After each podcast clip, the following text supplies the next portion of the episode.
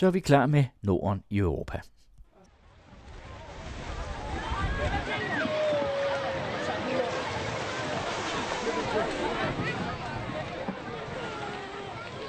Lindholm er en lille ø i Stege Bugt på 7 hektar. Navnet Lindholm kendes fra 1200-tallet som Holmen med lindetræer. Øen skal fremover huse udviste udlændinge, og der er i første omgang sat 3 kvart milliard kroner af på finansloven til at oprette et nyt udrejsecenter på øen for kriminelle afviste asylansøgere og personer på tålt ophold. De fleste asylansøgere ender selvfølgelig ikke på øen Lindholm, og de kommer til Danmark med drømmene om en anderledes og bedre tilværelse. Velkommen til den anden radios programserie Norden i Europa, hvor vi lægger nogle af brikkerne til et billede af samspillet mellem Norden og Europa, historisk og aktuelt. Programmerne produceres med støtte fra Europanævnet og AP Møllerfonden. Mit navn er Jørgen Johansen.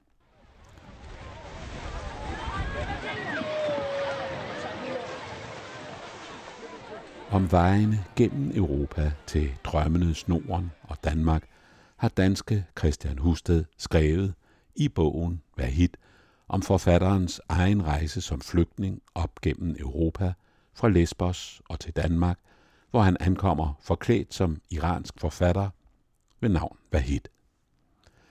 Christian Husted har fortalt til Annette Brun Johansen. Hele den her rejse, som som jeg har været ude på, og som, som jeg har beskrevet i bogen, er noget, der har været meget og livsomvæltende for mig, fordi det øh, selvfølgelig på mange måder var en øh, voldsom oplevelse, hvad det jo også var for, for de mennesker, som jeg kom i kontakt med undervejs. Og for mange sikkert meget voldsommere, end, end det har været for mig. Men for mig har det jo været en, en meget øh, skældsættende erfaring. Øh, også øh, personligt. Man kan sige, at Vahid er jo en identitet, som jeg har fundet på i køen på Lesbos, hvor man skulle registreres, øh, når man ankom fra Tyrkiet.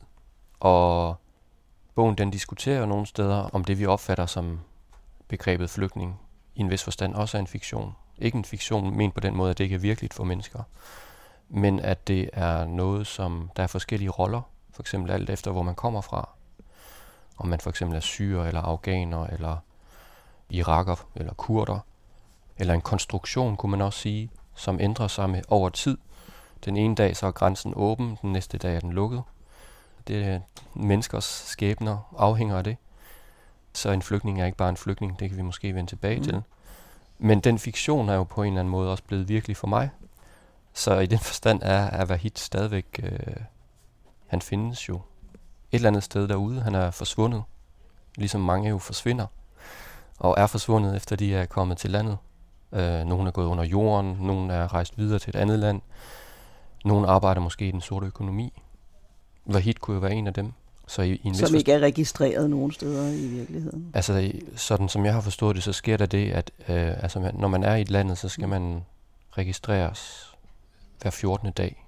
Det vil sige, at man skal hen til en, et asylcenter, og det, som regel også for at hente sine lommepenge, så vidt jeg har forstået.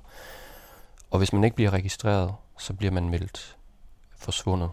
Så Vahid er forsvundet, og så vidt jeg har forstået, så er der mange tusind, som kom i den samme periode som ham, som man ikke rigtig ved, mm, hvor er blevet af. Og det synes jeg selvfølgelig er interessant. Så i den forstand er Vahid også en åben fortælling, som for mig afspejler de mennesker, som jeg mødte undervejs. Det er også deres fortælling.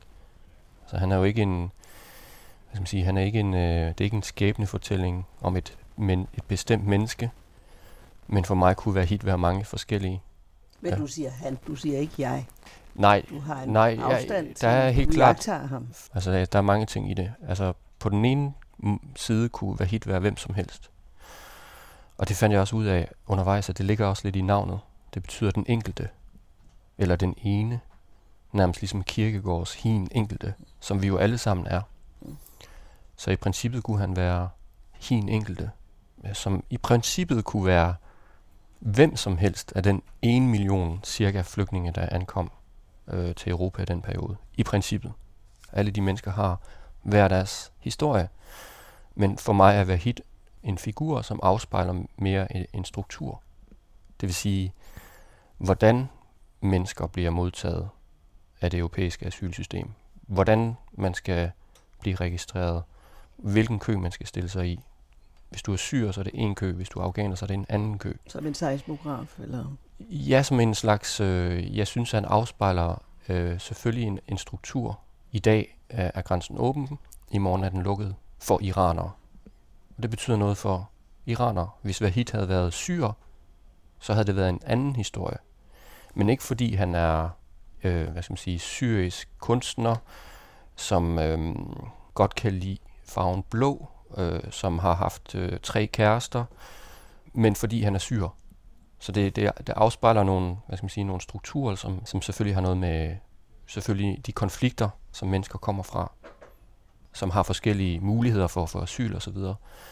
Men, og hvordan opleves de strukturer? Altså, det må forekomme mm. surrealistisk og ja. øh, uvirkeligt. Øh, altså, jeg tror, i, øh, min oplevelse var, i, især i den periode, som det er, jo, det er jo tilbage i 2015, hvor der blev truffet nogle beslutninger på meget kort tid. Det, det ved jeg ikke, om det kan være, at vi kan komme ind på mm. det, men i den periode, hvor jeg rejste som Wahid igennem Europa, der blev det besluttet, at nu skulle Europa til at lukke grænserne. Mm. Det skete ikke, da jeg troede, det var ved at ske, da jeg rejste, øh, og at Wahid måske kunne strande et eller andet sted på Balkan, fordi at han vi blive afvist. Det skete ikke for Vahid, det skete for andre iranere øh, en måned efter, jeg var kommet hjem, hvor øh, jeg så mennesker, der havde linket sig til nogle togskinner i Makedonien, for eksempel i protest.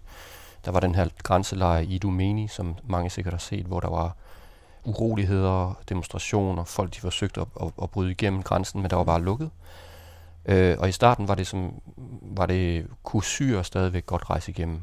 Så på et tidspunkt så var det syre fra Damaskus, men ikke fra Raqqa for eksempel. Øh, så det jeg oplevede, det var, at der var en form for vilkårlighed, øh, og det ændrede sig fra den ene dag til den anden. Det vil sige, at hvis man tager flygtningekonventionen for eksempel, der er et eller andet universelt ideal, som måske er en abstraktion, men som siger, at man må for eksempel ikke diskriminere på baggrund af folks nationalitet, eller deres religion, eller etnicitet. Men jeg synes jo, at der blev diskrimineret netop på baggrund af folks nationalitet. Og det jeg er optaget af, det er, hvordan det opleves som enkelt individ. Man kan måske godt forstå overordnet set, at syre på et, et bestemt tidspunkt øh, har bedre muligheder, eller de skal sendes hurtigere videre end andre, så de har fast tracking. Men hvis man er afghaner og kommer fra Kunduz for eksempel og flygter fra Taliban, som har indtaget byen, så er man også på flugt fra krig. Og så er det svært at forstå, hvorfor jeg skal vente i 10 dage, når syrerne de, de er sendt videre med det samme. Og det er det perspektiv, som jeg forsøger at antage. Øh, det er, hvad, hvad, hvad gør det ved mennesker, når de føler sig forskelsbehandlet, for eksempel? Som man jo blev, for eksempel, i køen på Lesbos. Og det vil vi vende tilbage til, men jeg ja. vil først spørge dig, hvordan opstod ideen om at, øh, at sætte dig selv på spil som en anden i en helt anden livssituation? Ja, det jo faktisk lidt en lang historie, fordi at jeg er dramatiker mm. og teaterinstruktør og har været meget optaget af i de seneste år økonomi og de finansielle markeder efter finanskrisen. Så jeg lavede en teaterforestilling om finanskrisen på et tidspunkt. Og så i 2015 øh, var jeg på vej til Grækenland for at lave research til en forestilling, som blandt andet skulle handle om gældskrisen, som jo også var på sit højeste på det tidspunkt. Der havde været en, en folkeafstemning i Grækenland. Og så er vi ned og tale med grækere og se, hvordan er situationen der. Er landet ved at gå bankerot? Er der, er der oprør? Hvad, hvad foregår der egentlig? Og så var der en af mine venner, der sagde, at du skal, som bor i Wien, det vil sige tættere på Balkan, øh, end os. Han sagde, at jeg skulle prøve at rejse ned igennem Balkan, fordi at der var flygtninge, der var begyndt at gå op igennem Balkan fra Grækenland. Og så købte jeg en uh, interrail-billet og besluttede mig for, at det vil jeg gøre. Det vil jeg ned og se og undersøge. Og så rejste jeg ned igennem blandt andet Serbien og Makedonien, og, og så rigtig nok, at der kom gående en masse mennesker. Altså virkelig hundredvis. Mod nord. Mod nord langs togsporene mm. på vejene. Og jeg har snakket med nogle af dem. Jeg snakkede med flere. Jeg rejste videre, stansede forskellige, ved forskellige grænseovergange, hvor folk skulle registreres. På det tidspunkt måtte man, der skulle man have en slags transitpapir. Nogle måneder forinden, der måtte man ikke bevæge sig igennem øh, for eksempel Serbien og Makedonien, så der var det illegalt. Det vil sige, det var i natten smuld og mørke og sådan ting. Øh, det var stadigvæk illegalt at krydse grænsen, men hvis man var kommet over en grænse, så skulle man lade sig registrere, og så kunne man købe en busbillet for eksempel, eller en togbillet, eller men to måneder før, så gik folk simpelthen igennem, op igennem Makedonien altså, og Serbien. Så der var mange mennesker, der var blevet slået ihjel. De var blevet kørt ned af toge, af, af biler. Der var nogen, der var blevet kidnappet.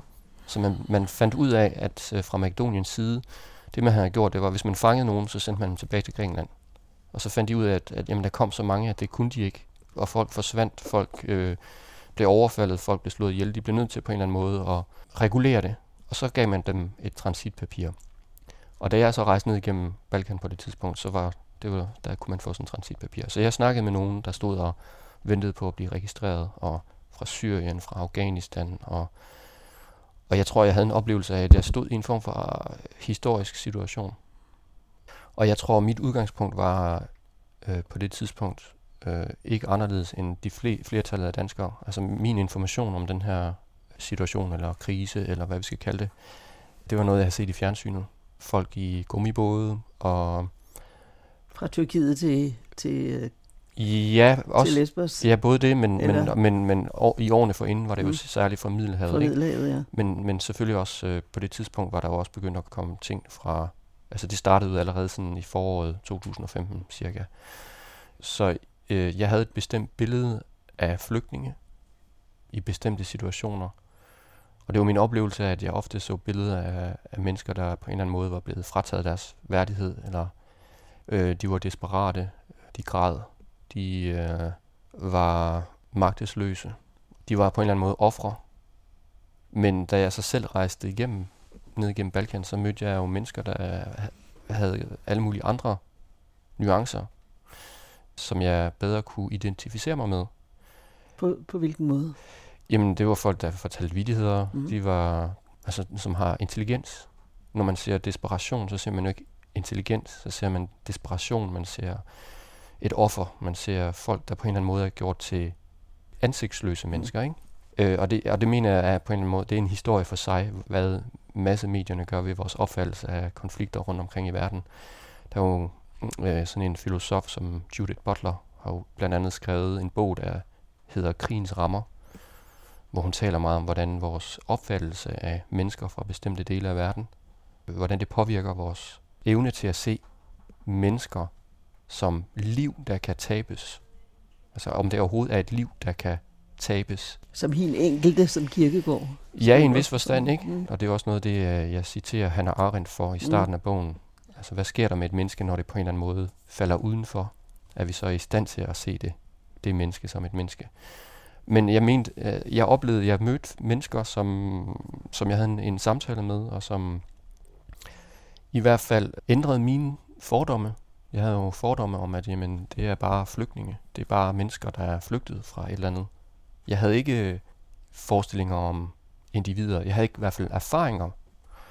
Jeg kunne ikke kende forskel på en flygtning og en migrant. Altså man diskuterede, hvad, altså, hvad er mm. den ene, hvad er den anden. Så jeg, jeg havde, det var, den rejse var også på en, en dannelsesrejse for mig, i en anden forstand. Og så på et tidspunkt, da jeg nåede til Athen, øh, hvor jeg igen mødte flere, og så talte jeg med en, en fyr fra Afghanistan på et tidspunkt, som hed Saif. Vi havde en meget lang samtale, og han havde nogle meget interessante tanker om hele den her situation. Han mente jo sådan et eller andet, han sagde forskellige, sådan nogle ting med, at jamen, Europa mangler arbejdskraft, øh, flygtningekriser er noget, man skaber, eller flygtningestrømme. Man kan skrue op og ned for dem, alt efter behov.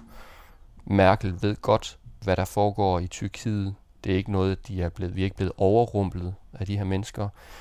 Det var noget, der var hvad skal man sige, ventet, og vi har behov for, for eksempel i den tyske bilindustri, er der mangel på arbejdskraft. Øh, Europa er holdt op med at, reproducere sig selv. Vi har behov for nyt blod og så videre.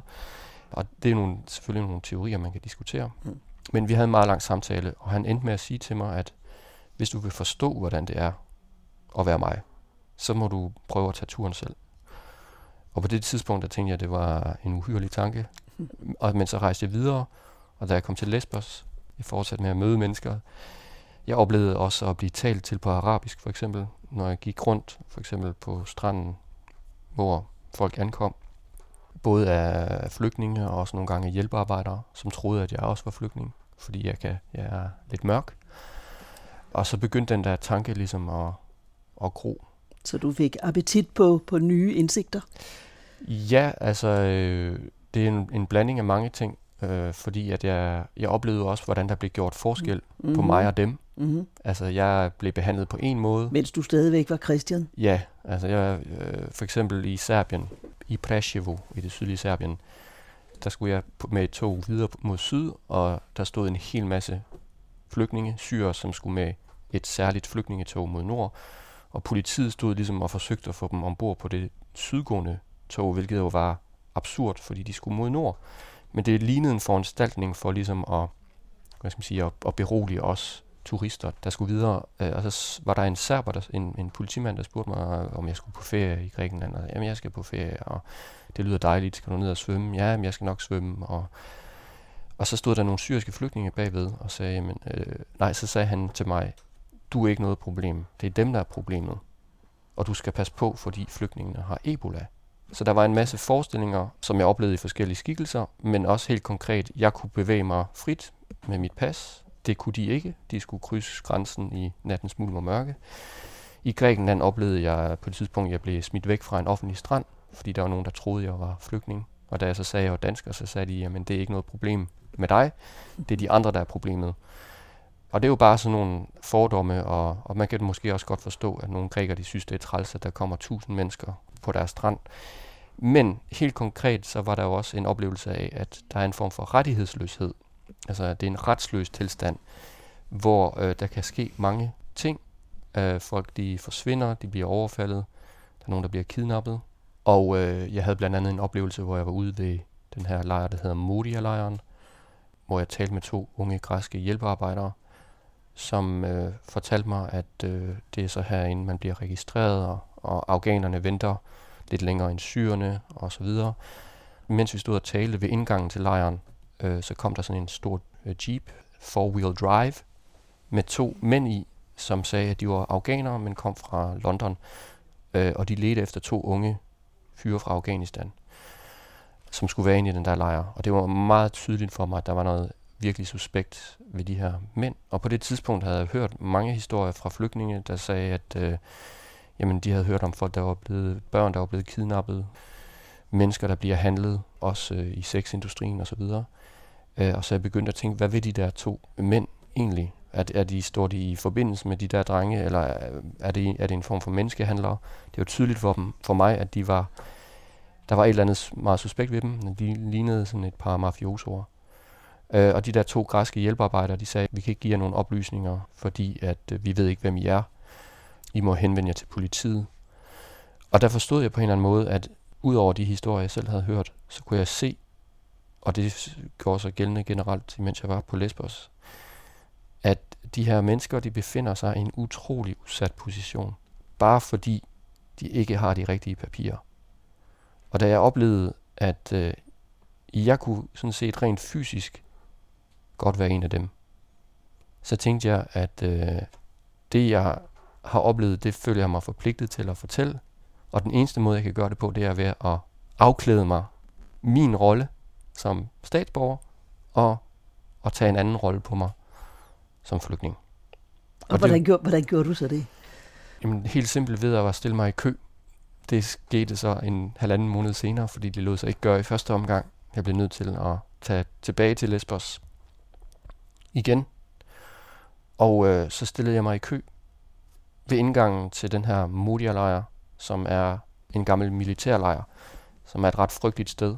Øh, men på det her, man skulle registreres for at, at kunne rejse videre. Simpelthen helt konkret for at kunne købe en billet væk fra Lesbos, skulle flygtningene registreres, når de ankom. Og det registreringspapir viste sig at være en udvisningsordre, øh, så de øh, blev faktisk udvist. Men Af Det- selve Grækenland. af Grækenland, Ja.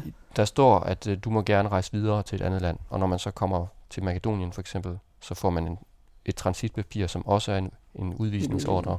Du har 72 timer til at rejse videre, så man sender ligesom lorten videre, Ja. hvis jeg må sige det sådan. Men det var helt konkret der, hvor jeg transformerede mig til Wahid. Ja, der så stod du der udenfor. Jeg stod i, jeg stod i kø i nogle dage. Øh, det tog flere dage at komme ind, fordi der, kom, der var meget kaotiske forhold, og lejren var underbemandet, og der kom cirka 5.000 mennesker om dagen øh, på det tidspunkt, alene til Lesbos. Det var den sidste store bølge, kan man sige, øh, der kom i 2015, inden grænserne de lukkede. Altså grunden til, at der kom så mange, var blandt andet, fordi at vinteren var på vej, Mm. så det var svært, så ville det være svært at komme over. Og fordi der gik rygter om, at Europa var ved at lukke grænserne, blandt andet Tyskland, Mm. mm. hvilket jo så viste sig at, at holde stik. Så der kom rigtig mange, og de skulle alle sammen ind i den lejr og registreres. Men øh, så fik jeg et stykke papir i hånden, Efter et par dage. efter et par dage, øh, hvor der stod, at jeg hedder Wahid, og jeg kommer fra Iran. Og øh, så rejste jeg videre som Wahid for at se. Det jeg ville undersøge, det var om, hvordan vil jeg blive behandlet, selvom jeg er dansk statsborger. Hvad nu hvis jeg bliver Wahid og rejser ind i den parallelle virkelighed, som, som Wahid befinder sig i? Hvordan vil jeg så blive behandlet? Og det det er sådan set det, bogen, bogen den undersøger. Og det var dit projekt. Ja, Hvordan det. håndterede du det sproglige? jeg talte engelsk. Min, min oprindelige plan var faktisk, at jeg skulle have været syr, Mm-hmm. fordi min oplevelse var, at syrerne generelt talte bedre engelsk. Og jeg havde på min rejse der, i st- første rejse, mødt mange syre. Øh, men så fandt jeg ud af, da jeg kom derned, eller jeg vidste godt, at syrerne havde det her fast tracking, fordi man havde besluttet, at de ligesom skulle sendes videre ja. hurtigere. Men fordi de havde, de havde fa- fast tracking, så var der andre nationaliteter, der også var begyndt at give sig ud for at være syre, blandt andet irakere og afghanere. Og det havde ført til slagsmål, og der er også en fortælling i bogen om en dag, hvor der altså nærmest var borgerkrig på havnen i, øh, i Mytilini Mm. mellem øh, især afghanere og syre. Men helt konkret, da jeg kom til Lesbos og kom ud til den her lejr, der var der to indgange, en for syre og øh, enkelte andre nationaliteter, blandt, blandt andet Eritrea og Sudan, mener jeg, og palæstinenser kunne også komme ind der, og så en for alle de andre, afghanere, iranere, irakere osv. Men så havde grækerne sat nogle syriske flygtninge ved et bord, øh, lige inden for indgangen, hvor de her øh, syre så forhørte alle, der ville igennem den lejr, og så kunne de så høre, at Ja. kommer du fra Syrien, eller er du i virkeligheden en iraker fra Bagdad? Det kan man høre, selvom de begge taler arabisk. Øh, og jeg taler ikke arabisk. Men så fandt jeg ud af, at i den anden kø, øh, i den anden lejr, skulle man ikke sige noget. Måske fordi den var mindre populær, og så der var kontrollen måske ikke så stor. Der skulle man bare skrive sit navn på et stykke papir, og det er det papir, man kan se her på, på På forsiden. ikke? forsiden af dit bog. hvor der ligesom er ja, forskellige oplysninger om dit navn og efternavn og sådan noget. Så min plan B var iraner, og så blev det iraner. Så der, der skulle jeg sådan set bare skrive mit navn. Men senere talte jeg engelsk. Og også i Danmark, øh, da jeg skulle forhøres, blandt andet i Sandholm-lejren. Mm. Der var der jo tolk på. Ja, det foregår med tolk, så politiet stiller spørgsmålet på dansk til tolken, som så oversætter til farsi i Wahids tilfælde. Og der insisterede jeg på at tale engelsk, for at være, og sagde, at jeg vil gerne være sikker på, at de forstår, hvad jeg siger. Og det synes de var mærkeligt. Hvad det jo også var. Det var også meget usædvanligt, tænker jeg. Og det kan man jo så sådan spekulere over, hvorfor de accepterede det, for eksempel. Men, øh, men jeg tror blandt andet, det var, fordi der var mange mennesker også. Der var stort pres på systemet på det tidspunkt. Og måske har det også noget at gøre med, at der er forskellige roller i forskellige dele af systemet, og det var ikke deres rolle at finde ud af i, i den omgang, første omgang, om jeg talte sandt. Men kunne du prøve at, øh, at tage os med ind i Moria-lejren Ja. og give en, ja, en beskrivelse af, hvad, Mm. hvad du oplevede der, og hvor, hvordan forholdene føltes for, for de mennesker, der var nødt Ja. til at opholde sig der? Ja, øhm, altså helt grundlæggende, så var det jo øh, ret frygtelige forhold. Da jeg var der første gang, om sommeren i 2015, der var det en, øh, en form for detentionslejr. Mm. Det vil sige, det var et sted, hvor folk de var i flere dage, imens man ligesom forhørte dem og undersøgte deres identitet. Det vil sige, de boede i nogle sådan skurvognslignende små hvide skure, og øh, der var nogen, der havde kamperet. Øh, altså, der er meget tørt, der er meget goldt. Det ligger i sådan, i, i sådan nogle øh, olivenmarker, øh, omgivet af olivenmarker, så er der sådan en slags fæstningsmur ude foran, og så er der nogle meget høje hegn med pigtråd, sådan noget, øh, sådan noget NATO-rulle pigtrådshegn i toppen, som man bestemt ikke kan hoppe over. Det er fire meter højt, eller, og der er to rækker af de der. Altså det, det ligner sådan en fæstning. Sådan en interneringslejr. Det er lidt en, ja, det, det er sådan en interneringslejr. Mm. Det er svært at komme ind, men det er måske også svært at komme ud, hvis man er kommet ind. Og der var der folk, der ligesom havde kamperet ude omkring lejren. Der var nogen, der havde lavet øh, små, øh, små telte eller boliger, bioakker af grene fra oliventræer. Så der var ikke, på det tidspunkt var der ikke noget UNHCR, eller der var meget lidt. Øh, Røde Kors var der stort set ikke. Altså der var sådan en, en, en følelse af sådan noget midlertidigt, noget, noget interimistisk. Da jeg så kom i, tilbage i oktober, så var det blevet til en transitlejr. Det vil sige et sted, hvor man bare skulle ind, have papiret og videre. Blandt andet fordi grækerne de bare ville sende folk videre. Og fordi der kom så mange. Så vi stod ude langs med hegnet. Mange tusind mennesker. Det var både mænd og kvinder og børn og gamle og syge, krøblinge, krigsoffre. Alle, jeg så alle mulige slags mennesker i de tre dage, hvor jeg var der. Jeg var undervejs, øh, var jeg inde og sove. Jeg havde sådan et, et lejet værelse på et pensionat. Hvad, hvad visse grupper af flygtninge i, i øvrigt også havde. Øh, dem, der havde råd til det. Øh, der var mange forskellige slags mennesker, mange forskellige grupper. Dem, der ikke havde råd til det, til, til det og som ikke boede i den flygtningelejr, der lå, som hedder Karteppe, i nærheden af lejren, i nærheden af Modia, de så ude under oliventræerne, som lignede Roskilde Festivalen, efter den er slut, øh, og, og kom mere og mere til det i de dage, hvor jeg var der hvor man både spiste og sov og gik på toilet. Altså, der var ikke nogen hjælpeorganisationer, der havde lavet en eller anden struktur. Øh, ikke der, der var en lille smule nede i hovedlejren. Men i hvert fald, øh, der var jo slåskampe. Der var folk, der besvimede.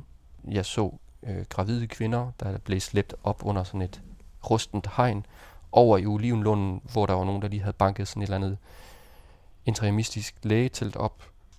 Så det var jo... Øh, jeg oplevede jo, hvordan jeg selv blev mere og mere selvisk. Altså min mission som Wahid var at komme ind i lejren.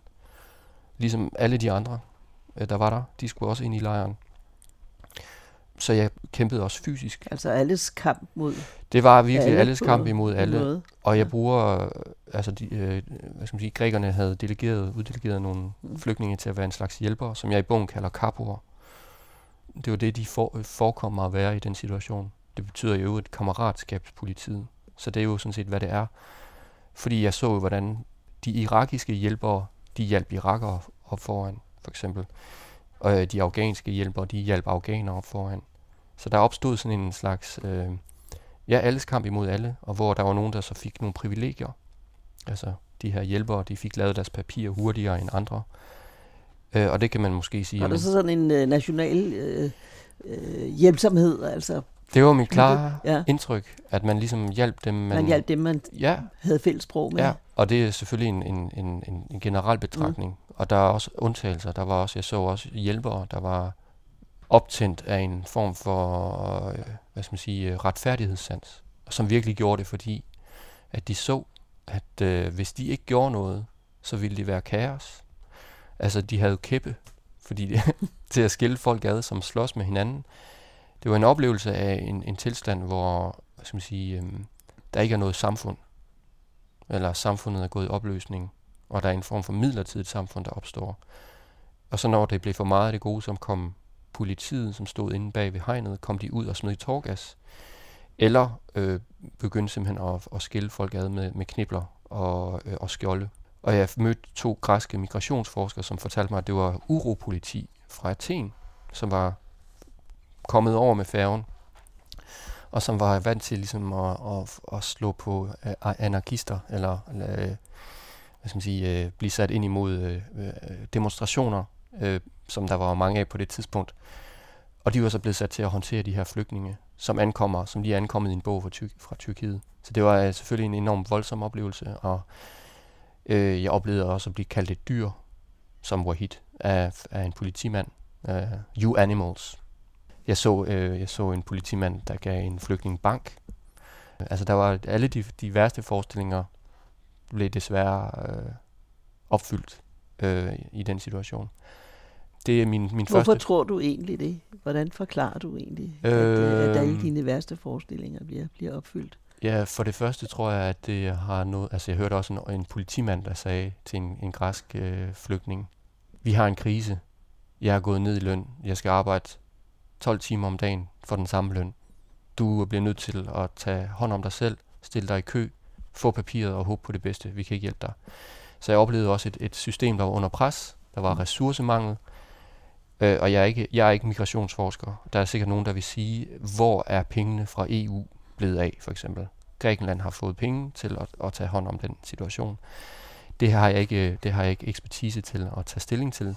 Men jeg så jo, at grækerne blev løbet over ende, simpelthen.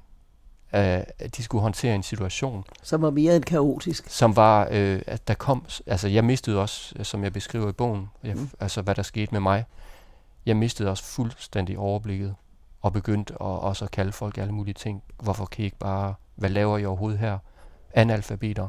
Altså de værste ting, som jeg har i mig, kom også frem i mig i den situation. Der var noget, der blev skrællet af, øh, fordi at øh, det var simpelthen så overvældende, og vi var tørstige, vi var sultne osv. Så på nogle måder kan jeg godt forstå øh, politifolkenes frustrationer, men der er selvfølgelig også en racisme. Det oplevede jeg også øh, andre steder undervejs, i forskellige forklædninger. Som kaos måske er med til at udløse. Det tror jeg, og, og, og, og det Mm. var jo også noget, jeg oplevede selv, da Mm. jeg øh, senere var i en asyllejr i Danmark. Hvad man måske kunne kalde en form for strukturel racisme, eller øh, i bedste fald fordomme om andre øh, mennesker fra andre kulturer.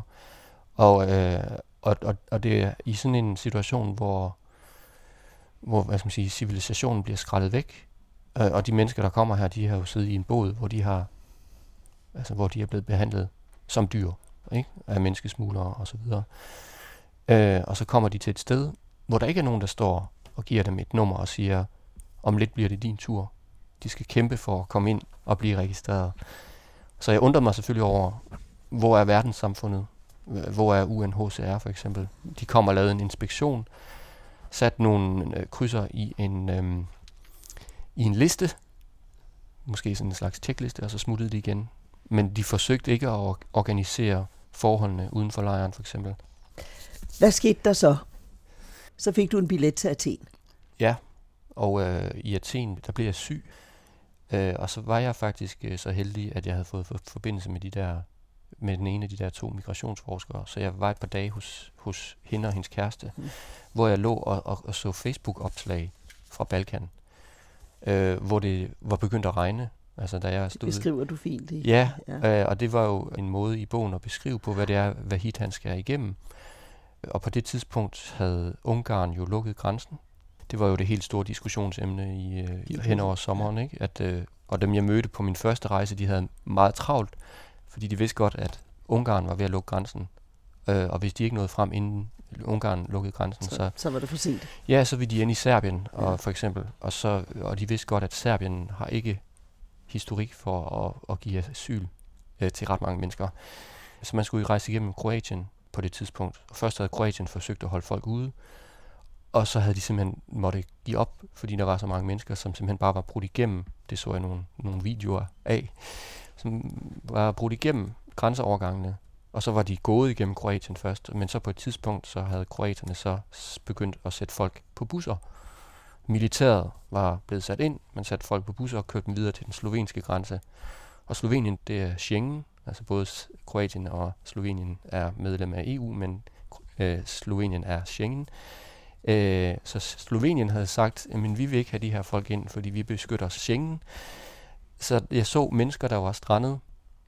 Mange af de her tusind mennesker, som jeg sikkert selv havde mødt nogen af, som så var strandet øh, der på grænsen, og det var begyndt at regne. Så folk de stod derude i sådan en slags ingemandsland i mudderet og, øh, og kunne ikke komme hverken frem eller tilbage. Og det var så det, Vahid skulle rejse igennem. Og så øh, rejste jeg så videre efter et par dage i Athen. Øh, først med tog. Altså med papiret i hånden kunne jeg jo både tage toget og bus. Jeg kunne i princippet også have fløjet til grænsen. Det var der nogen, der gjorde. Det kunne trods alt lade sig gøre på det tidspunkt. Det kunne det, ja. Altså, ja. Så snart du havde papiret, ja. så kunne du uh, godt uh, bruge transportmidler inden for Grækenlands mhm. grænser. Mm. Du måtte ikke rejse ud til grænseområderne. Men da jeg så kom frem til grænsen, jeg var meget optaget af, at jeg skulle have en gruppe. Fordi det var det, jeg havde oplevet under min egen rejse. At det var det, alle sagde til mig. Jeg skal have en gruppe. Fordi hvis man ikke har en gruppe, apropos de farer, som jeg, jeg nævnte før, hvis man ikke har en gruppe, så er man for udsat også i, bare i, helt praktisk i forhold til, hvis man skal stå i kø i flere dage, og ikke kan forlade køen for at købe mad eller gå på toilettet, så øh, er man dårligt stillet. Så jeg mødte en gruppe, det viste sig, så, da jeg kom til, frem til grænsen til Makedonien, at der havde UNHCR øh, organiseret det sådan, så de begyndte at sende folk over i grupper. Så jeg kom ind i en gruppe nummer 2028, hvor der var en gruppe kurdere, Øh, og jeg mødte især en, der hed Sak, mm. som øh, man hører meget om i bogen også. Ja. Som først sagde, at han kom fra Irak, øh, men jeg fandt ud af undervejs, at han nok var fra Kurdistan, eller fra den irakiske del af Kurdistan. Han var cirka 35 år gammel, og så en lidt ældre mand, måske i starten af 50'erne, som hed Khalil, som jeg fandt ud af sandsynligvis, de var brødre, men det fremgik ikke tydeligt. Øh, Øhm, Hvorfor prøvede de at sløre deres øh, identitet? Jamen, jeg, jeg tror, at øhm, min teori er, at øh, som apropos det, jeg sagde før med, at syrerne havde fast tracking. Altså, der er, ja. man får en, en bevidsthed om, at der er noget, der er bedre at være end andre, end, end, end andet. Ikke? Det, det, er jo, det er for, for eksempel bedre at være syr end, end afghaner.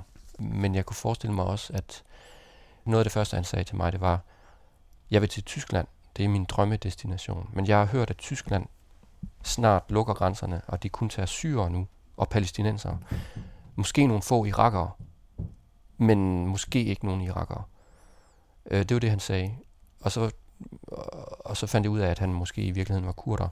Og så tænker jeg, at han har nogle overvejelser omkring, hvad der vil være bedst at være. Om det er bedst at være iraker, eller at være kurder. Og jeg tror, det har også noget at gøre med, hvad er dine muligheder for at få beskyttelse. Mm. Hvis du kommer fra Irak for eksempel, er du så krigsflygtning. Ja. Hvis du kommer fra Kurdistan, er du så krigsflygtning. Er det, eller er, det en, er du så politisk flygtning? Eller er du... Jeg, jeg ved ikke, hvad han var. Jeg, jeg, altså, det er først senere i bogen, hvor vi kommer til Danmark, der ligesom bliver tid til at, at spørge nærmere ind til folk. Her var det det. Handlede det bare om at overleve i det der og komme frem. Jeg tror også, det har noget at gøre med, at han vidste jo heller ikke, hvem jeg var i princippet. Jeg kunne også være hvem som helst. Mm. Jeg kunne være, der var nogle syre, øh, som troede, jeg var en af Assads spioner. Altså, øh, fordi det, der, det, det sted, det land, de kommer fra, der har de den oplevelse, at folk, der kommer hen og stiller spørgsmål, kan være mm. en spion. I øvrigt oplevede jeg også senere i Danmark, i asyllejren, at der var nogen, der troede, jeg var en spion fra Udlændingsstyrelsen. Altså, det er jo et, et, en, en tilstand, et rum, hvor ja man ikke rigtig ved, hvem den anden er. Det gælder jo også øh, de mennesker, der så tilbyder deres hjælp undervejs, som er menneskesmuglere eller transportfirmaer. Dem ved man heller ikke helt, hvem er. Øh, så der er sådan en grundlæggende usikkerhed. Og forsigtighed. Og ja, og så det meget handler om at prøve at få en eller anden intuitiv fornemmelse af, hvem den anden er. Og, jeg, og som jeg beskriver i bogen, så får jeg et meget positivt indtryk af, mm. sagt. Altså, det er bare et første, vores første øjenkontakt, er der, kan jeg mærke, at han, øh, han er en god mand, ham der. Mm. Og det var nok altså, på nogen måde mit held. Og i hvert fald så øh, blev jeg jo en del af, af hans gruppe, af de her cirka 12-13 unge mænd, som rejste sammen. De viste mig også billeder på deres telefoner. Her er vi i Tyrkiet, her sidder vi i båden, her, her er vi kommet over og er glade og sådan nogle ting. Så I lavede sådan en fælles historie? Ja, altså der, man, og man hjælper hinanden mm, også. Altså mm. jeg kunne se, der var en af dem, der ligesom øh, indsamler, der skulle betales penge for, for øh, transport for eksempel. i Serbien eller i Kroatien. Ikke i Kroatien, der blev vi, det var militæret, men i Serbien og Makedonien, så var der en, der ligesom indsamlede fra de andre, og der var en anden, der forhandlede med buschaufføren og, og så videre. Så de organiserede sig på den måde og hjalp hinanden. Og, og det gælder også mig. Du taler et sted i bogen om øh, det rigtige Europa, som Ja, man arbejder sig hen imod, eller Ja. op imod. Ja. Det rigtige Europa. jamen det er jo faktisk Sak, der siger det. Ja. Og jeg tænker, at det var da vi var i Preševo Mm. i Serbien. Det skal retfærdigvis siges, at på det tidspunkt lignede Preševo en øh, form for øh, katastrofefilm fra USA i borgerkrig eller sådan et eller andet, som jeg også øh, beskriver i bogen. Det var sådan en slags hovedgade i en provinsby, hvor nogle af husene var i ruiner, muligvis fra Balkankrigens tid. Men alle de andre butikker, banker, der var, havde, havde ligget der, de var blevet rømmet. Der var ikke noget tilbage af butikker eller noget som helst. Øh, og det var blevet sådan en slags varmestuer for de flygtninge, der transiterede igennem. Altså der var bål overalt. Der var metalafspæringer. Der var nogle, sådan nogle sammenflikkede øh, telte, hvor der var nogle frivillige, der uddelte te. Øh, der var affald overalt. Der lå mm, bunker fra udbrændte bål. Så det, lir- det lignede lidt en, en form for krigsby. Så det, jeg tror, Sak han var overrasket over, at, at var det virkelig Europa, det her. Og han havde sandsynligvis sine forestillinger om, hvad det var, han skulle op til. Øh, og det er også noget, jeg diskuterer senere i bogen, at der er mange, der, der har nogle kontakter allerede, måske familiemedlemmer mm. eller venner, som allerede er kommet frem, og som vi også møder senere i bogen. Nogen, som måske har er, fly, er flygtet fra den første Irak-krig, eller den anden er det måske, men den, som vi selv var involveret i. Og derfor har nogle forestillinger om, hvad det er for et Europa, de skal op til. Og ham den anden, øh, øh, jeg rejste med, Khalil, han spurgte mig på et tidspunkt, da vi var i Makedonien, er det her Makedonien? Ja, det er Makedonien. Og hvad hedder det næste land? Det hedder Serbien. Og landet efter det hedder Kroatien. Hvad kalder I landet, øh, som vi kalder Nemsa på arabisk? Det var så Østrig. Mm-hmm. Øh, så jeg havde også en oplevelse af, i hvert fald hos dem, at, at, at øh, de havde meget vage forestillinger om, for eksempel, hvad, hvad Balkan var. Og så var de i forbindelse med nogen øh, undervejs, for eksempel, øh, som sagde, at I skal skynde jer. Tyskland er ved at lukke grænsen. De tager kun syre og palæstinenserne øh, nu. Og jeg brugte jo også selv Facebook-grupper, ligesom de også gjorde, hvor der var frivillige og andre flygtninge, der lagde informationer op om, at øh, I skal ikke gå igennem øh, markerne i Kroatien. Der er stadigvæk miner fra, altså sådan nogle ting, ikke? Så man øh, sammenflikker forskellige billeder af, hvad det er, man er på vej imod. Og meget af det er jo selvfølgelig informationer, som kommer fra nogen, der allerede er noget Hvad er det så for drømme, man bringer med sig? Altså, jeg tror først og fremmest... Er det ja. arbejde, Mm, sikkerhed, Ja, fast sted at bo? ja. Hvis man tager sådan en som Sak, som fortalte mig, at han havde en pige i Mm. Irak, som boede hos moren. Han ville først og fremmest i sikkerhed. Han sagde, fortalte mig, at Irak er ikke sikkert. Folk bliver slået ihjel. Folk bliver kidnappet. Daesh, som han kaldte øh, ISIS, øh, kidnapper folk Mm. og slår dem ihjel på de mest grusomme måder, hvis man ikke betaler. Og selvom man betaler, så bliver man slået ihjel alligevel. Intet sted i Irak er sikkert, sagde han. Undtagen visse områder i Kurdistan, øh, Erbil, Kirkuk, som jo så i mellemtiden er blevet mere eller mindre invaderet af Irak. Så for ham handlede det først og fremmest om sikkerhed. Og han sagde, jeg har set listen, da jeg fortalte ham, at jeg kom fra Danmark. Danmark ligger i top, Irak ligger i bund. Så han ville gerne til et sikkert land. Det kunne godt have været Danmark, men han, jeg tror først og fremmest, han tænkte på Tyskland. Så for ham var det først og fremmest sikkerhed. Sikkerhed og overlevelse. Ja, og så begyndte han undervejs at tale om, at jamen, tror du, jeg kan få opholdstilladelse i Tyskland? Og hvis jeg kommer til Tyskland, tror du så, jeg kan fortsætte til Australien og sådan nogle ting. Så der var selvfølgelig forestillinger om, hvad er mine muligheder, men det handlede først og fremmest om sikkerhed. Andre, jeg mødte senere, øh, som man møder i den del af bogen, der foregår her i Danmark i et asylcenter nede på Lolland, der taler jeg med flere, også kurder, hvor der for eksempel er en ung fyr, der hedder Sharam, som nok må betegnes som en form for økonomisk migrant, eller fattigdomsflygtning måske, som fortalte, at øh, hans forældre havde sagt til ham, at han skulle tage til Danmark og få opholdstilladelse, fordi han havde allerede to brødre i landet, Måske var den ene bror flygtet. Det fandt jeg aldrig rigtig ud af. Og så havde han en anden bror, som også lige var kommet. Men for ham handlede det mere om arbejde, papir. Han sagde til mig, jeg er ikke et menneske i Kurdistan. Jeg har ingen menneskerettigheder. Fordi han var i virkeligheden fra den iranske del af Kurdistan, fra den iranske side, og hans forældre var flygtet under Iran-Irak-krigen, og var endt i, i, på den irakiske side. Og fordi han var iransk kurder, så blev han ikke behandlet som en, en ligeværdig borger. Så man kan mås- måske godt sige, jamen, er han så ikke flygtning? Eller er han økonomisk migrant? Eller er han begge dele? Øh, og det er vel også det, jeg prøver at, at, at finde ud af, eller beskrive i bogen, at, at det er komplekst, og de der kategorier lapper over, og det er ikke altid til at gennemskue, hvor det ene starter, og det andet slutter.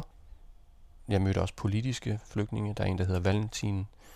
Jeg mødte også øh, kriminelle, som øh, vidste, at hvis de kom til Danmark og sagde asyl, så kunne de ligesom øh, køle af her i et stykke tid, måske et års tid, og så kunne de måske fortsætte til et andet land, fordi det er meget svært at, at sende dem tilbage til der, hvor de kommer fra. Så jeg mødte mange forskellige slags mennesker. Men fælles for alle må være, at et ønske om at flytte sig fra noget ulideligt, ubærligt, Absolut. til noget, der måske giver en, et håb om overlevelse, Ja, og et Ja. liv, der kunne se anderledes ud. ja. Ja, For eksempel mødte jeg to hvide russere, og der var en af dem, der fortalte, at vi så, så på en, en, en video af en animationsfilm, som var en slags satire, øh, som handlede om Lukashenko. Og jeg spurgte ham, ser man sådan noget i øh, Hvide Rusland? Han sagde, nej, det, hvis man ser sådan noget, så kommer man i fængsel i to år.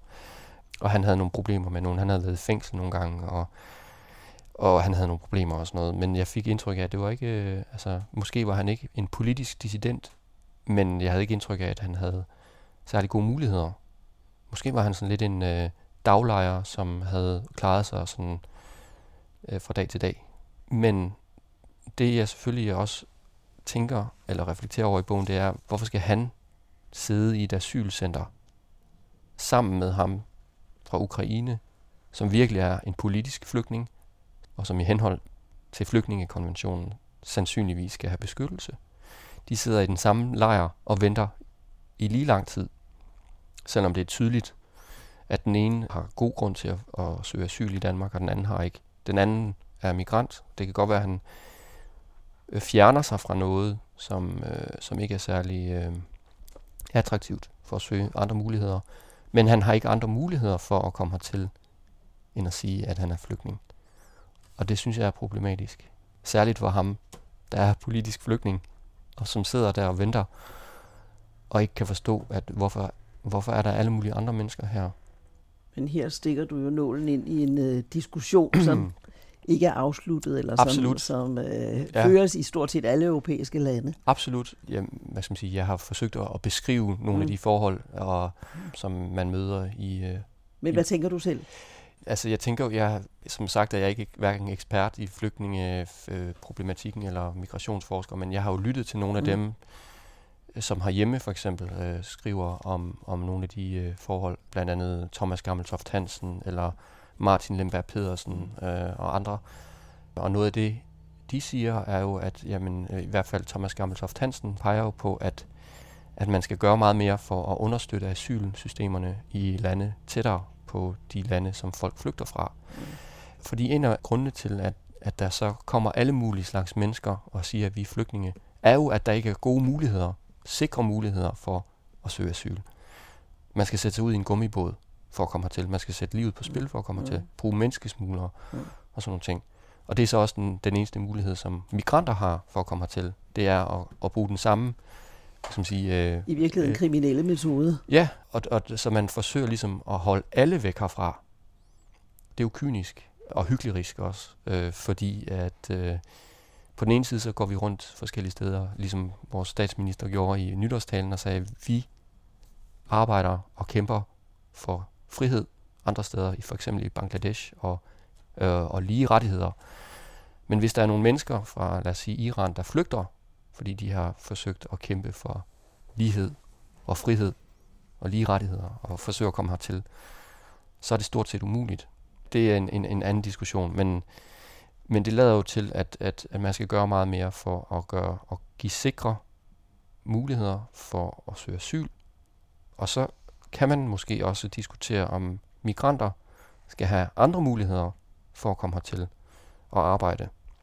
Det lader jo til, at der er mangel på arbejdskraft, og også ikke kun veluddannet arbejdskraft, men også give det en anden overskrift. Ja, altså så man ikke netop skaber den her uregulerede Mm. øh, masse, hvor man skal bruge enormt mange ressourcer på at finde ud af, hvem folk er.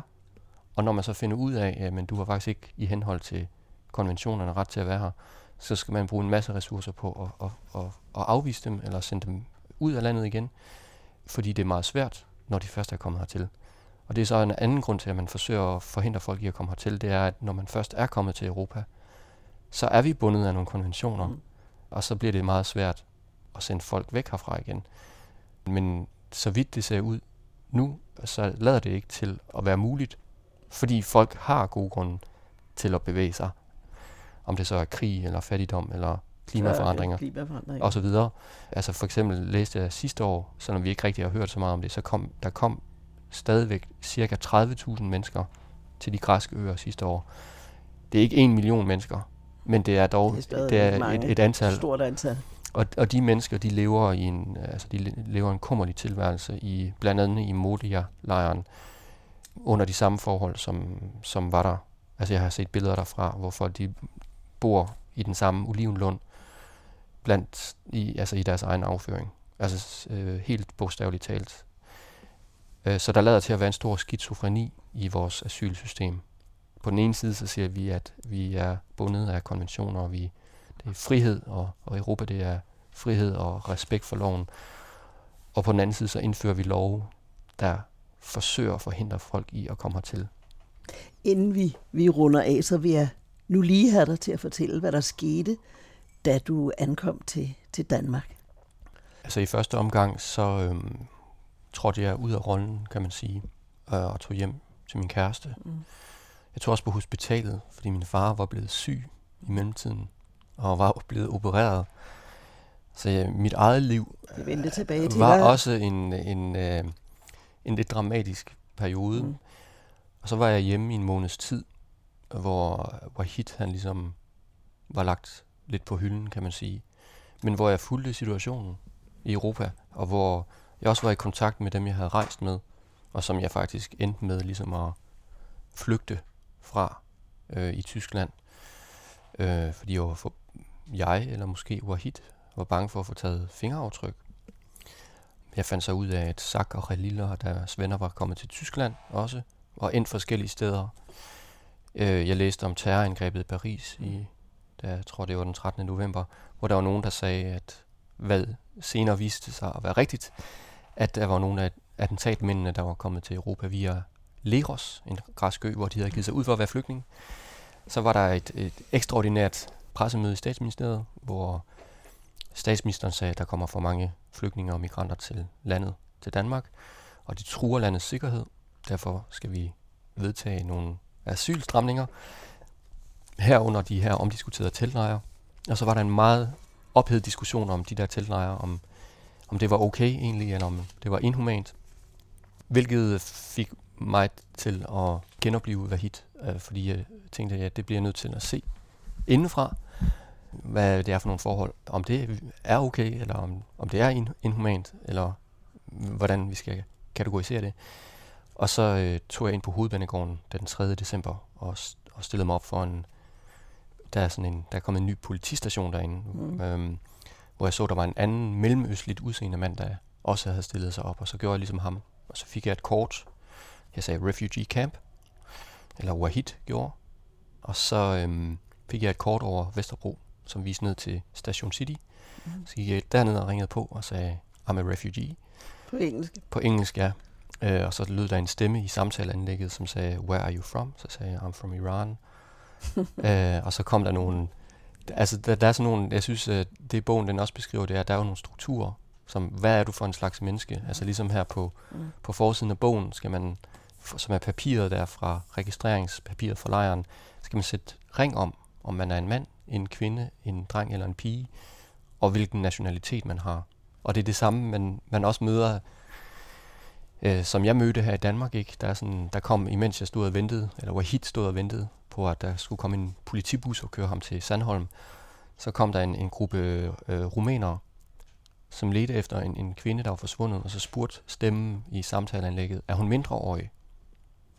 Og det er jo en kategori, som så bliver behandlet på en... På en der er en, en procedure for Mm. mm. det. Så kom der nogle andre øh, flygtninge, øh, så blev de spurgt, er I fra Syrien? Og det er jo egentlig det, jeg var interesseret i, øh, helt grundlæggende, at beskrive i bogen. Hvad er, det for, en, hvad er det for et system? Hvad er det for nogle strukturer? Jeg overhørte en samtale på et tidspunkt, da vi skulle køres ud til den der asyllejr nede på Lolland, hvor buschaufføren, som sikkert var vognmanden, altså ham, der ligesom ejer busselskabet, sad og snakkede om ventepenge. Fordi det var, når de kom for sent, så skulle de have flere penge fra Røde Kors. Og han omtalte flygtninge som læs. Ja, jeg har også et læs til Næstved. Og det er jo så en, en anden måde at se det på. Det er, at jamen, det er så så mange individer, som jeg bringer fra A til B, og det får jeg en pose penge for. Så jeg har forsøgt at beskrive, hvad, hvad skal man sige, et, et form for instrumentaliseret blik, som afhænger af, at om du er politimand, som skal få folk til at stå i kø på Lesbos, eller om du er en vognmand i Der Danmark, skal køre fra A til B. der skal køre fra A til B, eller øh, Røde Kors, som skal registrere dig og hjælpe dig, eller de kvinder, som arbejdede på skolen. Det var en nedlagt folkeskole dernede i, øh, på Lolland, som måske var mere moderlige i deres øh, tilgang til de her 200 mænd, der boede på, på skolen, og som forsøgte hvad skal man sige, at give dem en form for ja, måske en form for kærlighed, eller en form for um, Omsorg. omsorg, kan man kalde det, ja. Det er måske et bedre ord. Samtidig med, at, at det lød ikke til at, at være, altså de var ikke uddannet til at håndtere flygtninge. Det er jo de der forskellige roller, som jeg i virkeligheden forsøger at beskrive, og, og de mennesker, der skal man sige, Træder ind i træder det. ind i, i de roller.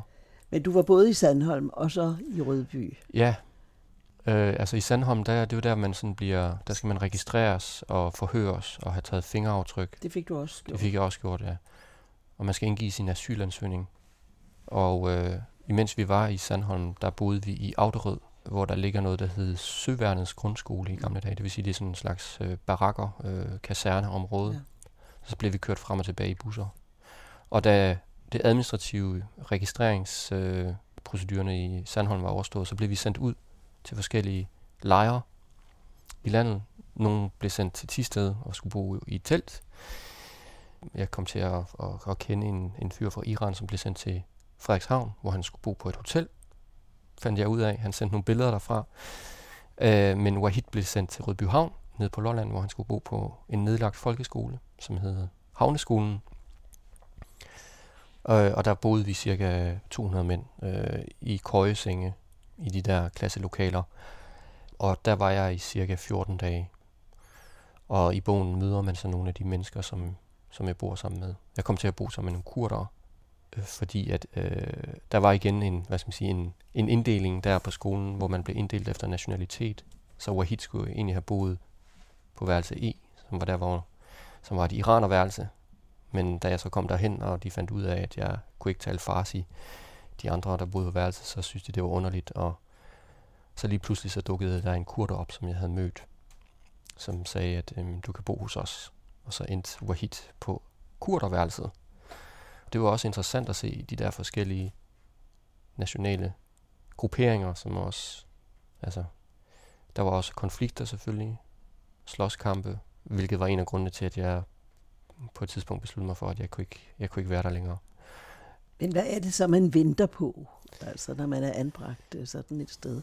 Altså det er jo så den første, Hvad er det for fremtidsudsigter, der ja, altså det er jo den første fase, i? første fase af as- asylprocessen, Mm. ikke? Og øh, Vahid havde fået et stykke papir fra myndighederne, fra politiet i, i Sandholm, hvor han blev indkaldt til den første samtale med Udlændingsstyrelsen, som lå et, et år ude i fremtiden. Så i princippet skulle han have boet på den skole i et år, hvor man så sidder og venter på øh, at komme til samtale. Hvor man så finder ud af, man indgiver en asylansøgning, hvor man beskriver sit asylmotiv, og så med udgangspunkt i den ansøgning, så skal man så til en samtale og for, forhøres eller interviews af Udlændingsstyrelsen. Øh, så det var det, man sad og ventede på. Jeg kom cirka fire dage efter, at skolen var, at det var en del af den her ekstraordinære tilstand, som nødsituation, som statsministeren havde talt om. Øh, så der var nogle, nogle af dem, der havde været der fra starten af, de havde været der i fire dage, og de spurgte mig alle sammen, hvor længe, hvor længe skal vi være her? Der var ikke noget at give sig til. Der var ikke, de havde deres telefoner, og det var ligesom det, der, det, der var. Og det var selvfølgelig også noget med nogle, de havde nogle bestemte forestillinger, som jeg ikke kan, det kan jeg ikke komme nærmere ind på, fordi det ved jeg ikke, hvad det var for nogle forestillinger, de havde, men der var en stor kedsomhed. Altså, der var, man røg meget, øh, spiste, der blev serveret mad tre gange om dagen. Er selvfølgelig, man sov meget. Der var også nogen, der sandsynligvis var meget traumatiseret, mm. havde været i krig, og, altså, og flugten i sig selv var jo også dybt traumatiserende for de mennesker. Men igen, der var mange forskellige slags mennesker, og de havde forskellige forestillinger om, hvad det var, de ventede på. Nogle de ventede måske på at få opholdstilladelse, ligesom Sharam, så han kunne få et arbejde og sende penge tilbage til sin mor og far. Der var nogen, der bare kyllede af, ikke? Øh, fordi de var flygtet fra nogle, nogle kriminelle problemer. Valentin fra Ukraine, som fylder ret meget i den del af bogen, som var flygtet på grund af hans deltagelse i Majdan-revolutionen. Han ventede på at få politisk asyl. Altså det var det, han ville i Danmark.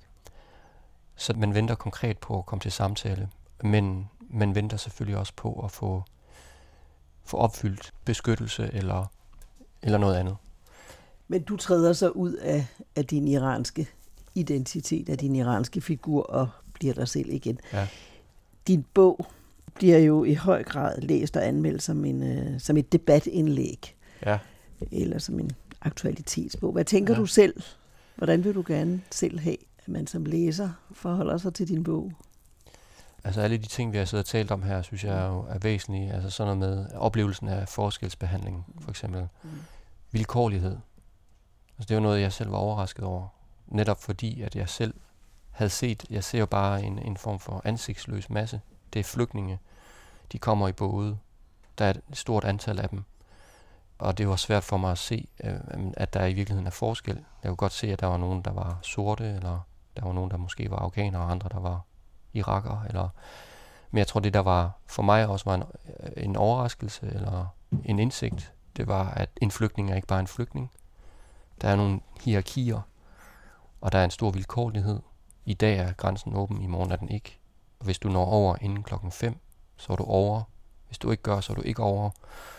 Og jeg er jo selvfølgelig interesseret i at, at beskrive det fra det enkelte menneskes synspunkt, uanset om det er en afghaner, eller en syr, eller en iraner. Det er sådan set for mig ligegyldigt. På den ene side, så er der et eller andet med strukturerne i det, som jeg mener ikke nødvendigvis har noget med aktualiteten at gøre. Men det handler om, hvad sker der med et menneske, når det kommer i den situation. Som uh, Hannah Arendt, jeg har mm. citeret i starten af bogen, siger, at øhm, et menneske, der mister sin politiske status, for eksempel flygter, er nødt til at flygte, burde blive beskyttet af det, vi kalder de medfødte og um-, umistelige rettigheder, som hun kalder det. Det er menneskerettighederne. Fordi de burde dække i den situation, hvor der ikke er andre rettigheder. Dit statsborgerskab, for eksempel. Men det modsatte af tilfældet, siger hun, det ser ud til, at et menneske, der kun er et menneske, har mistet de egenskaber, der gør det muligt for andre mennesker at se det som et medmenneske. Og det var det, som jeg var interesseret i at undersøge. Forholder det sig virkelig sådan. Fordi jeg havde selv set en grå masse, som jeg måske ikke var i stand til at se som mine medmennesker. Og det var en, an, en personlig anfægtelse, anfægtelse i mig. Der ramte hendes ord der? Ja, det gjorde det. Og da jeg selv stod på Lesbos i sin tid, og begyndte at forestille mig, at jeg skulle træde ind i det rum selv, mm. så forstod jeg det på min egen krop. Så kunne jeg forstå det fordi det kunne jeg ikke forstå før. Jeg så bare de her billeder, og så havde allerede kategoriseret det. Ligesom i 80'erne, da vi så billeder fra Afrika af små børn, der led af sult. Jamen, sådan ser Afrika ud. I hvert fald i en, en lille drengs øjne på det tidspunkt. Sådan havde jeg kategoriseret det. Men da jeg stod på Lesbos og så, det her det er forholdene. Hvis du kommer i den situation, som de her mennesker er i, så kan du blive overfaldet. Du kan blive kidnappet. De kan tage dine organer og, og det sker jo. Og det var den oplevelse, som jeg gerne ville beskrive. Altså, hvordan det er at være et ubeskyttet og, og være, menneske. være ubeskyttet, øh, være udleveret, fuldstændig udleveret til andre mennesker, om det så er menneskesmuglere, eller øh, myndigheder, politifolk, øh, politiske beslutninger, ikke? som siger, at i dag beslutter vi, at øh, du kan først få familiesammenføring om tre år, eller du skal flytte hen til den lejr i dag. Du hørte en samtale med forfatteren Christian Husted, der har skrevet bogen Vahid. Programserien Norden i Europa redigeres af Annette Brun Johansen, Ove Weiss og mig, Jørgen Johansen. Programmerne støttes af Europanævnet og AP Møllerfonden. Du lytter til den anden radio.